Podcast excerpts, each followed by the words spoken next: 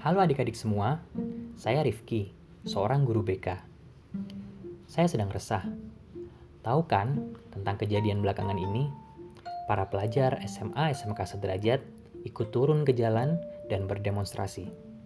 Tahu juga kan, mereka turut andil dalam perusakan fasilitas umum. Hal ini membuat pihak kepolisian menjadi was-was.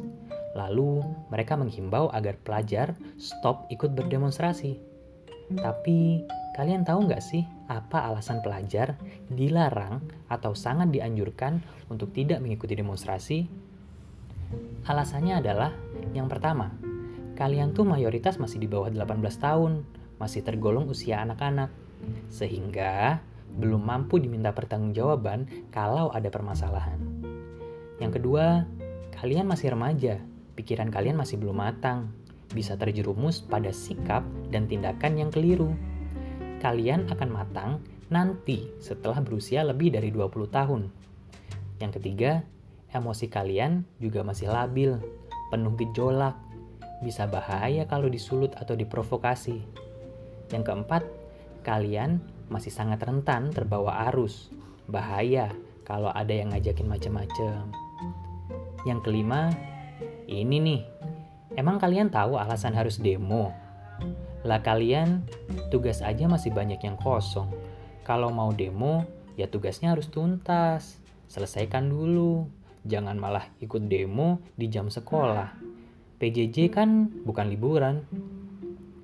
Kalian harus pahami kondisi kalian ini, sehingga kalian tidak sembarangan ikut berdemo.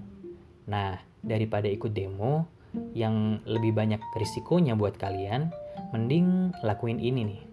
Yang pertama, kerjakan tugas sekolah dengan baik, jangan telat mengumpulkan, apalagi sengaja nunda karena males.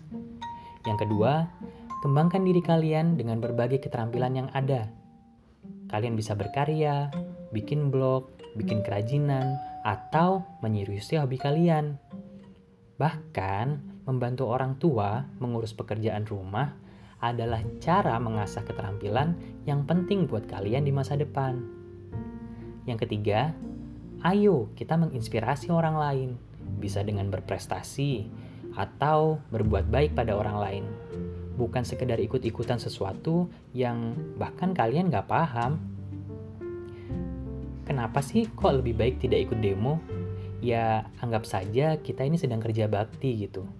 Ada yang nyapu, ada yang bersihkan selokan, ada yang menghias dinding.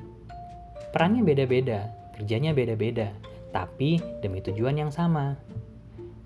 Demo, serahkan saja pada yang bersangkutan, para pekerja, para buruh, dan para mahasiswa.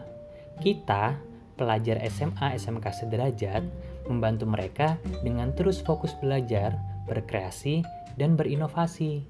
Dengan begitu, kita turut andil bergotong royong membangun Indonesia. Bukankah tujuan demo juga untuk membangun Indonesia? kalau semua turun ke jalan, lalu siapa yang mengisi ruang-ruang pendidikan untuk memajukan kehidupan bangsa? Mungkin sekian saja. Terima kasih.